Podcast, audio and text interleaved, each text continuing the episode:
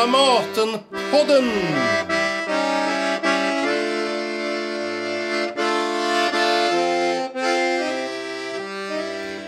Välkommen till Dramatenpodden med mig, Anneli Duva. Och jag sitter här nu på coronasäkert avstånd tillsammans med Marie Lundqvist i Dramatens ljudstudio. Välkommen du med, Marie. Tack så mycket. Och anledningen till att just du är här just idag är för att du har översatt Jon Fosses Tvillingarna för Dramaten. Det är en pjäs som skulle haft svensk eh, urpremiär på lilla scenen i Sofia Jupiters regi den 10 december. Men nu får vi se när den premiären blir av. Men under tiden så kan man ju ändå prata om och tänka kring teater. Och allra först här så skulle jag bara vilja presentera dig lite grann. Mm. Mm. Du är född 1950 i Jönköping. Eh, du debuterade som poet 92 med Jag går runt och samlar in min trädgård för natten. Och sen dess har du publicerat över tio böcker. Och så har du översatt, mm. inte minst Jon Fosses dramatik. Alltså hur många Jon Fosse-pjäser har det blivit hittills? Eh, jag tror bortåt elva faktiskt. Mm. Och vi ska ju prata mer förstås om Fosse och teatern, men vi ska idag här ändå ta vägen över ditt eget skrivande också. Och jag ska också nämna här innan vi börjar att du har fått en mängd litterära priser. Jag kan nämna till exempel Karin Boyes litterära pris, Gerhard Bonniers lyrikpris, Sveriges Radios lyrikpris, De Nios lyrikpris, Aspenströmpriset. Och eh, du är bibliotekarie också från början. Berätta om, om din väg till att bli författare och ditt förhållande till skrivandet. Eh, oj, lång väg. Eh, och långa omvägar skulle jag vilja säga, snarare än en väg. Eh, att jag jobbade som bibliotekarie i 10-12 år innan jag blev författare, eh, det ser jag som min författarskola på något sätt. Eh, att få befinna sig i det här litterära navet som ett bibliotek är och komma i kontakt med så väldigt många olika typer av författarskap som man gör då. Och också få den känslan för vad läsning kan betyda för olika människor. Och på olika sätt. Eh, och det var ju så att jag skrev ju även under den tiden, men det var ju något skrivande som jag inte hade nog självtillit för att tro att det skulle liksom förvandlas till en bok, utan jag uppehöll mig i det här bokliga rummet. Det var på något sätt tillräckligt då. Mm. Men det blev ju ändå en första bok. Ja. Hur gick det till då? då?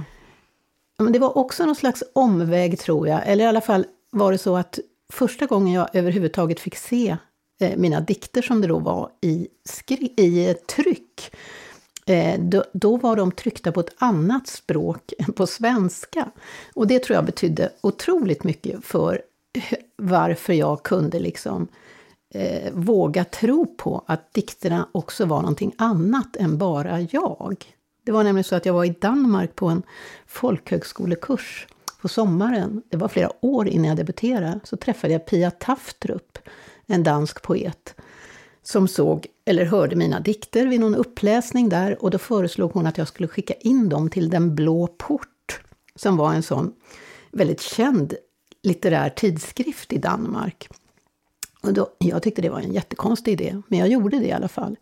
Och sen när jag kom hem, flera månader senare, eh, så föll ner genom brevlådan denna tidskriften Blå port. Och då var mina dikter med där och de var översatta till danska.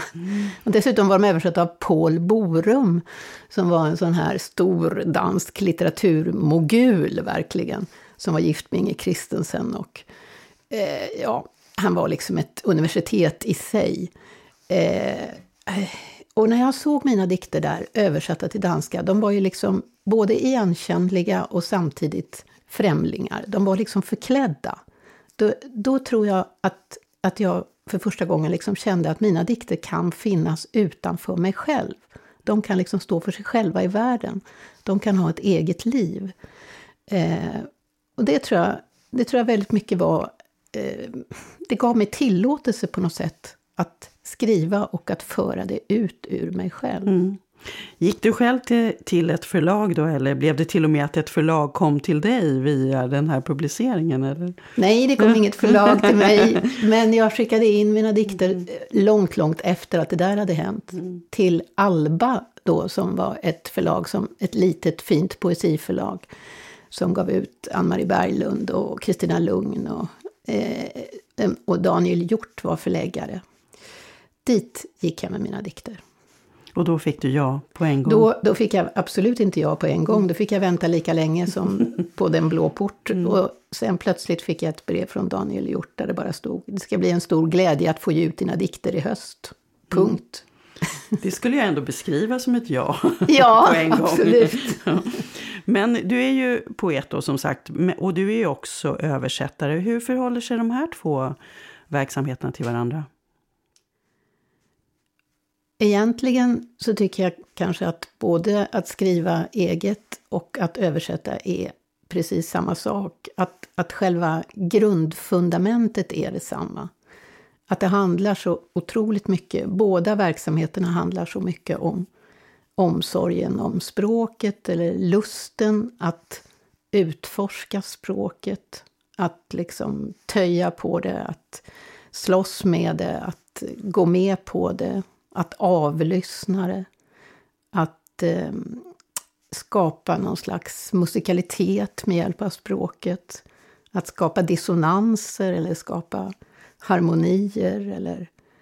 Det, det är precis samma avlyssnande, tycker jag, mm. när det gäller både översättande och eget skrivande. Du har ju översatt mycket dramatik just. Mm. Går det att säga någonting speciellt om, om dramatiken då? Eh, ja, nu har jag ju översatt... Eh, jo, det, det som är... Alltså, dramatik, speciellt Fosses dramatik och poesi har ju väldigt mycket gemensamt.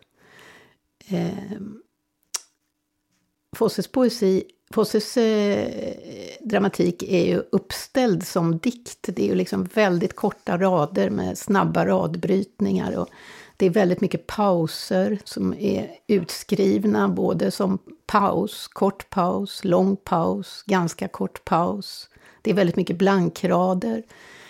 Eh, de går att läsa som väldigt långa monologiska dikter, mm. även om det är repliker eller dialoger mellan personer. Det, att det finns så mycket tystnad i hans pjäser är också någonting som är väldigt besläktat med poesin. Mm. Idag så läser man ju inte så mycket dramatik, utan det är ju mer att dramatik spelas på mm. teatrarna helt enkelt. Har du ett starkt relation, en stark relation till teatern, som, både som konstform och som plats? Vad är teater för dig?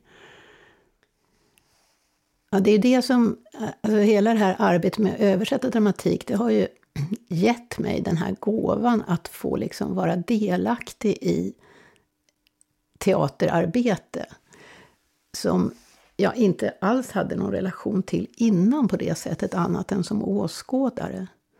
Men det här att få vara liksom en del i en ensemble som man är som översättare. Och man är det på ett väldigt speciellt sätt, därför att det är liksom ingen annan i ensemblen som är översättare. Man är en del av det här kollektiva ensemblearbetet som liksom är som ett stort fartyg som liksom strävar mot en plats. Eh, och det tycker jag har varit så otroligt intressant och givande. Och det är också det att teatern är är en sån plats där språket blir så väldigt, väldigt mycket kropp och kött och blod. Liksom. Eh, och, och också att det finns så mycket plats för eh, inlevelse och fantasi. Och, mm. och, och, hela den eh, biten har, har liksom det har gjort att för mig har liksom litteraturvärlden har nästan bleknat bort som någon slags torrlagd öken i jämförelse ibland. Eh, därför att jag tycker att det har varit så fantastiskt att vara i den här språkverkstan, liksom, där språket verkligen blir så fysiskt. Och det har lärt mig så väldigt mycket om språkliga tonfall också. För man kan ju prata om vad texten har för plats mm. på teatern. Mm. Även om du nu pratar om hur du upplever texten på teatern. Men mm. är, den är ju också bara en del av mm. det här större allkonstverket som, som är en teaterföreställning. Mm. Hur, hur ser du på texten i förhållande till de andra uttrycken? Alltså, hur ser du på teaterformen som den här? Alltså, jag, eh, alltså, jag, jag känner mig... Jag, som, alltså, som översättare av dramatik har jag liksom varit väldigt privilegierad för att jag har haft förmånen att jobba ihop med regissörer som alla har varit sådana personer som har liksom varit väldigt intresserade av just texten. Som Ola Anders Tamberg eller Eirik Stube eller Gunnel Lindblom som regisserade två Fosse-pjäser. Eh, eller Sofia Jupiter nu som gör Tvillingarna. Um, och jag har alltid känt att för dem har texten varit liksom väldigt basal och översättningen i sig har varit liksom också ett verk i sig. Alltså. Inte så att man inte har kunnat diskutera saker, för det har man verkligen kunnat göra. Men då utifrån att det har funnits en förståelse för vad text är. Ehm, och vad dramatisk text är. Mm. Men hur, hur, känner du med ditt, alltså din poesi och ditt andra skrivande då? Har det blivit väldigt... Hur har det påverkats av att du har haft den här närkontakten med teatern? Väldigt svårt att, att veta faktiskt. Jag tror att det måste ha påverkats, men jag kan inte riktigt se det själv. Jag, jag tänker mycket på det här Eh, det, det, som, det här ögonblicket som uppstår vid kollationeringen. När, man, när jag har ju ändå suttit hemma i min ensamma kammare och översatt en text med en mängd repliker då av olika personer. Och, och de, de enda som jag har hört säga de här replikerna, det är ju liksom jag själv. Min inre röst, eller min yttre röst i den mån jag läste högt för mig själv. Men sen kommer jag till kollationeringen där man sitter runt ett bord och så sitter kanske ett dussin olika personer och läser de här replikerna på ett helt annat sätt än, än inte alltid än vad jag hade föreställt mig, men det är ju ändå någonting helt annat. Alltså en människas röstläge och tonfall och det är ju så enormt karaktäriserande. Och det påverkar ju språket så himla, himla mycket. Mm. Så att eh, det Ja, det är någonting med det där som jag tror måste påverka mitt eget skrivande också, men jag skulle inte kunna säga riktigt hur. Mm, mm. Vi hade ju kollationering, jag är ju dramaturg då på den här uppsättningen av Tvillingarna och då pratade du lite grann också om din relation just till mm. Fosse. Mm. Som, du kan väl berätta någonting om hur, hur det började, hur det kommer sig att du har översatt så mycket Jon Fosse? Mm. Eh, Ja, från, där var det ju faktiskt så att jag blev tillfrågad från början därför att eh, Berit Gullberg, som ju är hans agent, eh, ville ha en poet som översatte Fosse. Och då blev jag tillfrågad. Men och, och det, var, det första jag gjorde var eh, dödsvariationer för Radioteatern. Och det tror jag var kanske 18 år sedan eller någonting sånt. Men då hade jag, då hade jag faktiskt redan det vet jag inte ens om hon visste, men jag hade redan en relation till hans författarskap. För att jag hade stött på det i slutet på 80-talet när jag gick på den här författarutbildningen på Biskopsarnö, som ju har en nordisk inriktning, den utbildningen. Och dit kom Fosse långt innan han började skriva dramatik. Eh, han var någon slags författarbesök. Den absolut blygaste författare som har satt sin fot där, tror jag, som författarbesök. Mm. Eh, det var inte mycket man fick ut av honom. Men, men vi hade ju läst hans tidiga romaner Stängd gitarr och Naustet, Båthuset, som väl Stivsem Sandberg översatte. Och han framhölls då som en av de verkligt intressanta unga norska eller nynorska författarna. Och jag fastnade väldigt mycket för dels för det här nynorska språket som jag tyckte var otroligt fascinerande och kantigt och ursprungligt på något sätt. Och sen också för hans ensamma gestalter. Och stämningen i de här böckerna där det regnade precis hela tiden och det låg någon slags grått dis över, över allting. Mm. Som ändå var väldigt laddat med någonting underliggande. Ja, jag vet att jag, jag själv hade formulerat en gång, för jag har också träffat Foss och gjort program mm. om honom för, det är också ett antal år sedan nu, men att det var just kärleken och döden, gener, generationernas mm. band och brott. Mm. såg jag att jag hade skrivit och det tyckte jag nu var en ganska bra, eh, bra beskrivning av hur stora teman han jobbar med, mm. fast han gör det på det här avskalade mm. sättet. Mm. Men eh, alltså just så här generellt då om man tittar på Fosse, för då kan man ju prata både om hans språkvärld och hans tematik. Mm. Om du tittar tillbaka och tänker, du har du fortsatt att jobba med honom, vad är det som fortsätter att locka? Är det kombinationen av de här två sakerna som behövs eller kan det räcka med det ena? Hos en författare för att man ska vilja fortsätta och, och fortsätta att intressera sig? Alltså jag tror att det, i mitt fall är det framför allt språkvärlden. Eh, det måste jag säga. Därför att han har också att han har en sån otroligt konsekvent språkvärld.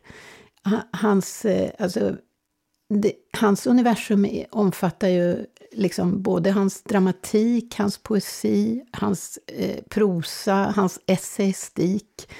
Och den är ju på något sätt det är samma universum. Det är inte så att han byter skepnad och blir någon helt annan när han börjar skriva romaner. Även om hans romaner är ju mycket mer hymniska eller mång, mångordiga eller mera ja, flyter fram som breda floder om, om, om, om eh, dikterna och dramatiken är som smala bäckar. Men, men man känner så oerhört väl igen Fosse.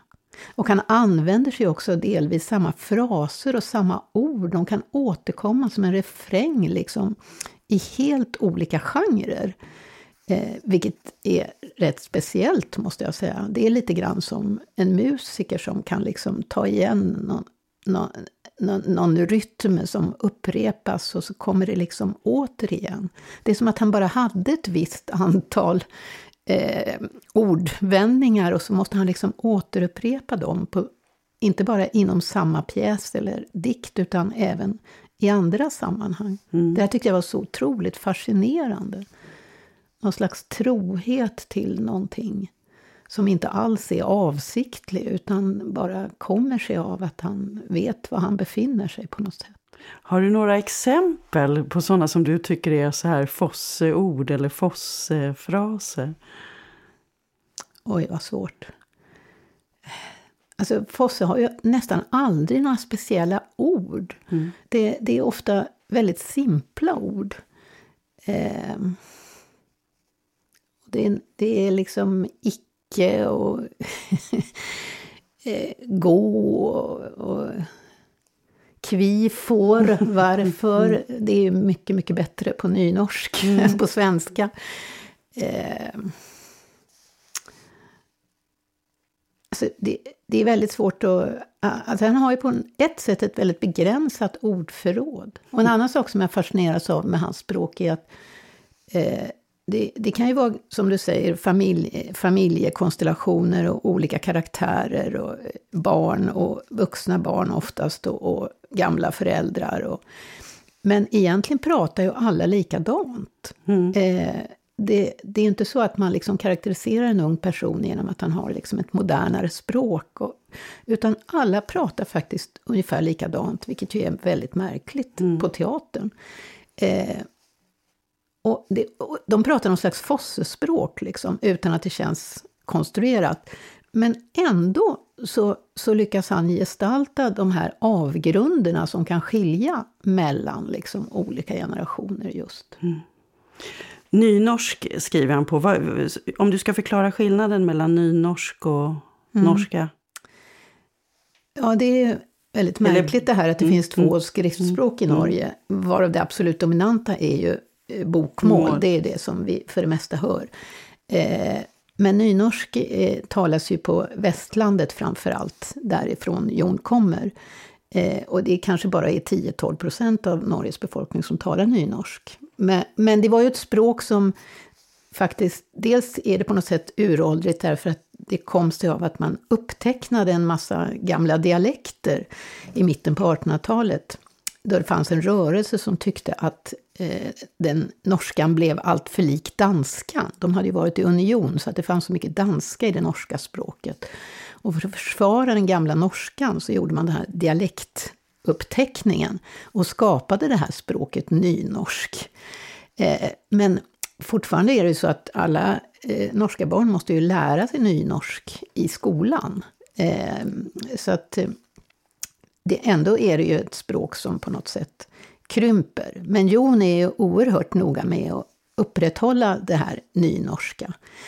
Eh, och han menar ju också just därför att det inte är det officiella språket så ger den en slags frihet. Det är inget språk som förekommer i reklam eller i liksom eh, pff, byråkratiska sammanhang eller någonting sånt. Utan han menar att det ger honom mycket större friheter att skriva på nynorsk.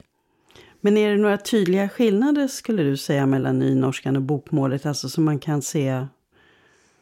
Alltså jag tycker att eh, jag tycker att, ny, att nynorsk är, det, det är ett språk som passar Fosse väldigt bra. För att alltså bokmålet har ju det här att man går upp i slutet av varje mening som gör att vi svenskar ofta tycker att normen låter så hurtiga eller pigga eller glada när de talar. Men nynorsk är, det, det tycker jag är mycket mer ett graviterande språk. Det liksom går ner, det faller, det regnar ner mot marken. Mm. Alltså, på det sättet är det likt mer, mer likt svenskan, tycker jag också. Mm. Eh, och sen har det ju, rent musikaliskt så är det ju på något sätt ett kantigt språk. Jag tänker ofta på isländska när jag hör nynorsk. Det känns som att det är liksom uthugget i sten. Alltså, det är en väldig utmaning att översätta det till svenska som ändå eh, jag uppfattar så mycket mer sångligt och mjukt. Och, därför att man vill så gärna ha kvar den här hårdheten. Mm.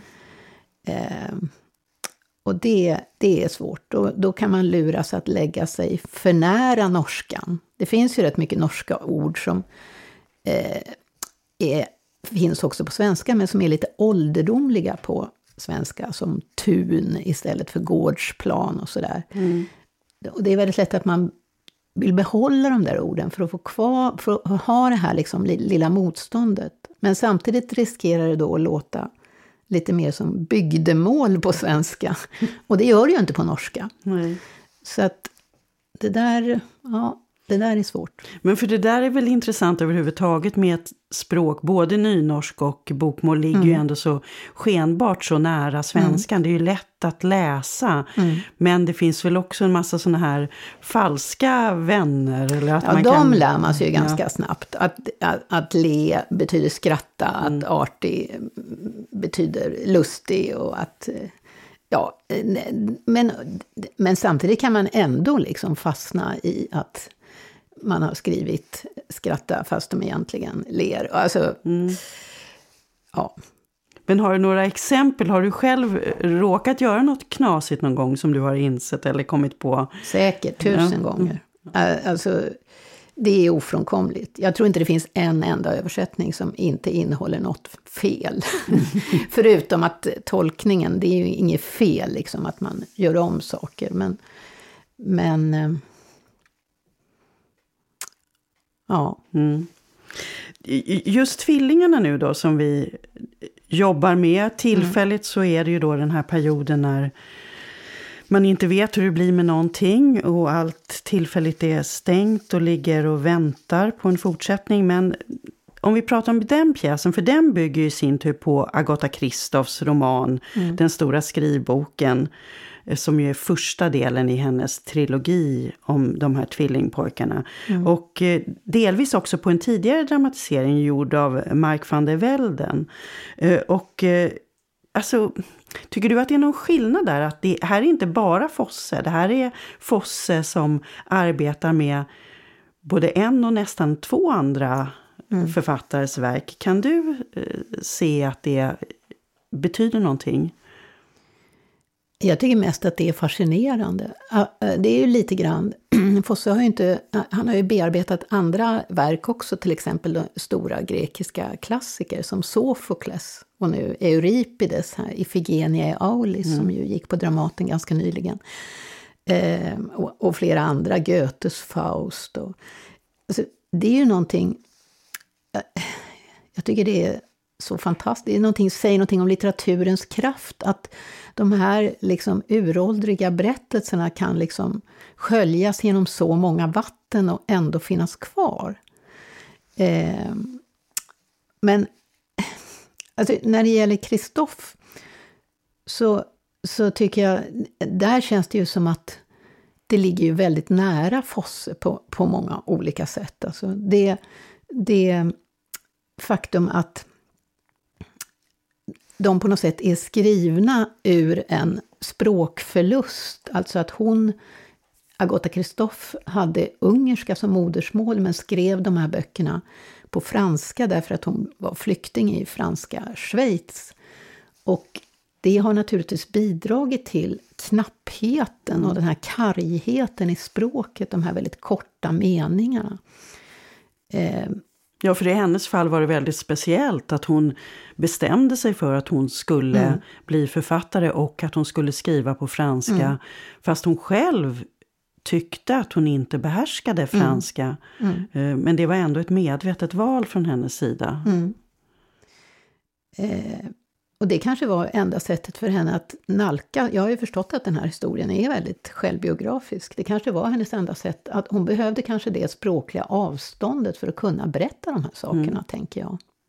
Den har ju blivit så oerhört populär, den här Agatha Christoph-trilogin. Folk är ju alldeles... Mm. Eh, blir så oerhört berörda och tagna av, mm. av den eh, boken, för den finns ju nu som en volym. Som finns i översättning av Marianne Tuvesson. Den har kommit ut tidigare på svenska också. Mm. Eh, men vad, vad, har du någon tanke om vad det är som, eh, som slår an så starkt hos människor med, med den här berättelsen?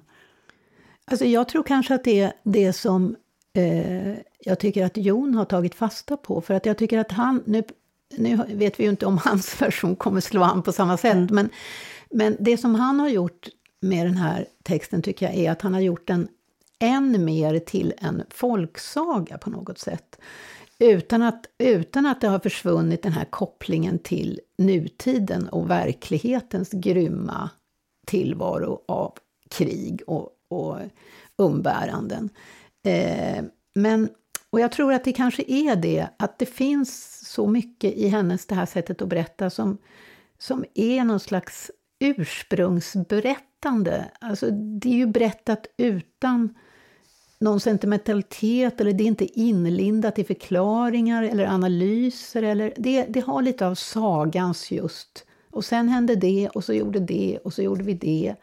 Eh, och jag tror att människor alltid dras till det där, där, saker är, där det är liksom frilagt och avskalat. Mm.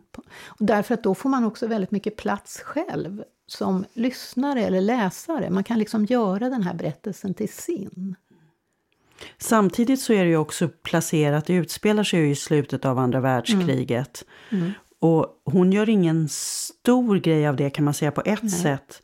Men det är ju å andra sidan en väldigt tydlig ram och grund mm. till skeendet i den här lilla ungerska byn där de här två gossarna placeras hos sin men samtidigt så talas det ju aldrig om mm. ordet andra världskriget, nej, nämns nej. aldrig. Och de talar olika språk, men man vet inte vilket språk. Mm. Och jag känner ju när jag läser att det lika gärna kunde vara liksom en medeltida by. Eller det, och det kunde också vara i Jugoslavien under, under det kriget. Och, mm, alltså, det, det är det jag menar med allmängiltigheten i berättelsen.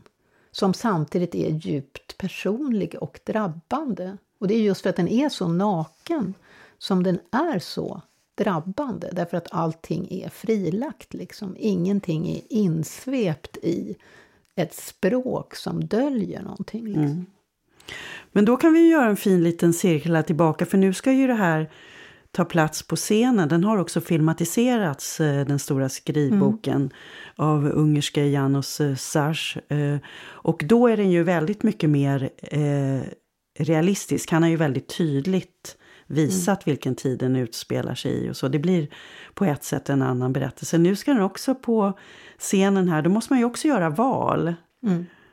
Som vi ju vet en del om eftersom vi har sett kostymskisser och scenografiskisser och allting. V vad tänker du om det som du har sett hittills eh, i förhållande till dina egna bilder? Eh, ja, först när jag fick veta hur det skulle, när jag fick liksom listan över alla som skulle vara med, så blev jag förvånad, för jag hade kanske föreställt mig att det mera skulle göras som just eh, en tvillingberättelse, att de här tvillingarna skulle på något sätt berätta, alltså mer som ett läsdrama, eller vad jag ska säga. Mm. Eh, sen fick jag ju lista på, det är ju tolv skådespelare eller någonting sånt, så alla roller är ju i stort sett gestaltade. Eh, och då blev jag väldigt nyfiken på hur, hur liksom gör man de här scenerna bokstavligen på scen? Därför att det finns ju så många scener som är väldigt grymma i boken. Eh, alltså det är värsta formen av övergrepp och, och, det skildras liksom, man slaktar både det ena och det andra. Och, eh, alltså man skulle kunna föreställa sig den här pjäsen iscensatt som ett enda stort blodbad. Liksom. Men det tycker jag, det skulle ju svära helt mot den här nakna enkelheten i texten. Mm. Så att eh, det, det är ju en väldigt stor utmaning mm. hur man och dessutom så är ju texten upplagd så att den skrivs ju fram hela tiden. Inte av författaren utan av de här två pojkarna, mm. tvillingarna. Den stora skrivboken heter ju romanen. Mm. De skriver ner de här sakerna. Eh, så att den återberättas ju hela tiden samtidigt som den pågår. Liksom. Det är ett sätt att, eh, att förstå världen, mm. det här skrivandet. Mm. Och också ett sätt att förhålla sig till eh, sanning. Mm. Som, är, som är ganska intressant, där det verkligen är sådär att vad kan man skriva? De, har, de mm. säger till sig själva att de bara får skriva det som är absolut sant. Mm, exakt. Och, vilket också då kan förklara den lakoniska, ja. det lakoniska sättet att, att beskriva men det har jag också ja, tänkt på är ja. så spännande med det här, att det är någon slags barnperspektiv. Därför att det är de här pojkarna som berättar. Men de är ju, de är ju oerhört eh, luttrade barn, eller vad ska jag säga. De har inte fått vara barn, eller de får ju inte vara barn. De tvingas ju in i krigets verklighet, vilket, som det ser ut för många barn i dagsläget. Liksom. Men, och när de skriver så har, är de ju ändå barn på det sättet att de måste skildra det här de upplever, men de har inte det här språket som liksom kan analysera eller förklara en massa saker i bimeningar eller göra, skjuta in satser och, som spårar iväg åt olika håll, utan det blir då av naturliga skäl det här väldigt nakna och öppna och i någon mån tafatta språket som samtidigt är väldigt exakt. Mm. Det där tycker jag är så spännande. Ja, det är väldigt spännande och jag har ju hunnit se en del repetitioner innan allt fick avbrytas nu och det är också väldigt spännande att mm. se hur eh, det blir. Det är Marcus Fögeli och David Fukamashi Regnfors mm. som gör de här två gossarna. Eh, Erlend Birkeland gör scenografin och Maria Gebe kostym kan vi säga. Men nu då, apropå detta att saker för tillfället ligger på is. Hur klarar du den här coronatiden? Många författare säger att för dem är det inte så stor skillnad. Är det så för dig också? Eller? Ja, så är det ju. Det, det här att eh, författarskapet författarskap består ju så mycket av läsning och skrivande och i, den egna, i det egna rummet på något sätt. Så på det sättet är det ingen inte så stor skillnad. Men, men eh, jag saknar ju... Ja, man, man hamnar ju ännu mer än vanligt i sin egen bubbla. Liksom. Jag saknar att gå på Rönnells och lyssna på andra röster och, och, eftersom jag nu bor i Stockholm och, och där, där det finns så mycket såna författarscener som ju är en slags nästan teaterscener där böcker presenteras på andra sätt än bara genom den enskilda läsningen. Mm. Det saknar jag jättemycket. Jag saknar jättemycket att gå och ströva i bokhandeln och biblioteket framför allt och hitta de här böckerna som man inte alls letar efter. Och att gå på teater. Ja, att gå på teater inte minst. Mm. Vad jobbar du med just nu då? Eh, nu jobbar jag faktiskt med en annan översättning av en norsk poet som jag har översatt två böcker av, som heter Steinar Opstad. Som inte skriver på nynorsk utan på bokmål. Mm. Och försöker rota lite i egna gamla texter. Mm. Men du tog också med, så vi inte glömmer det, eh, Jon Fosse har skrivit mm. en dikt om skådespelaren. Precis, eller som jag uppfattar det mm. nog till skådespelaren, ja, även om inte han mm. Dedicerar sina dikter till någon speciell. Och, och, det är väl en väldigt fin avslutning här på det här samtalet om du vill läsa den. Mm. Den är alltså ur en bok som heter Långsam musik, eh, som kom ut härom året som är ett urval som jag har gjort och översatt av flera av Fosses diktsamlingar.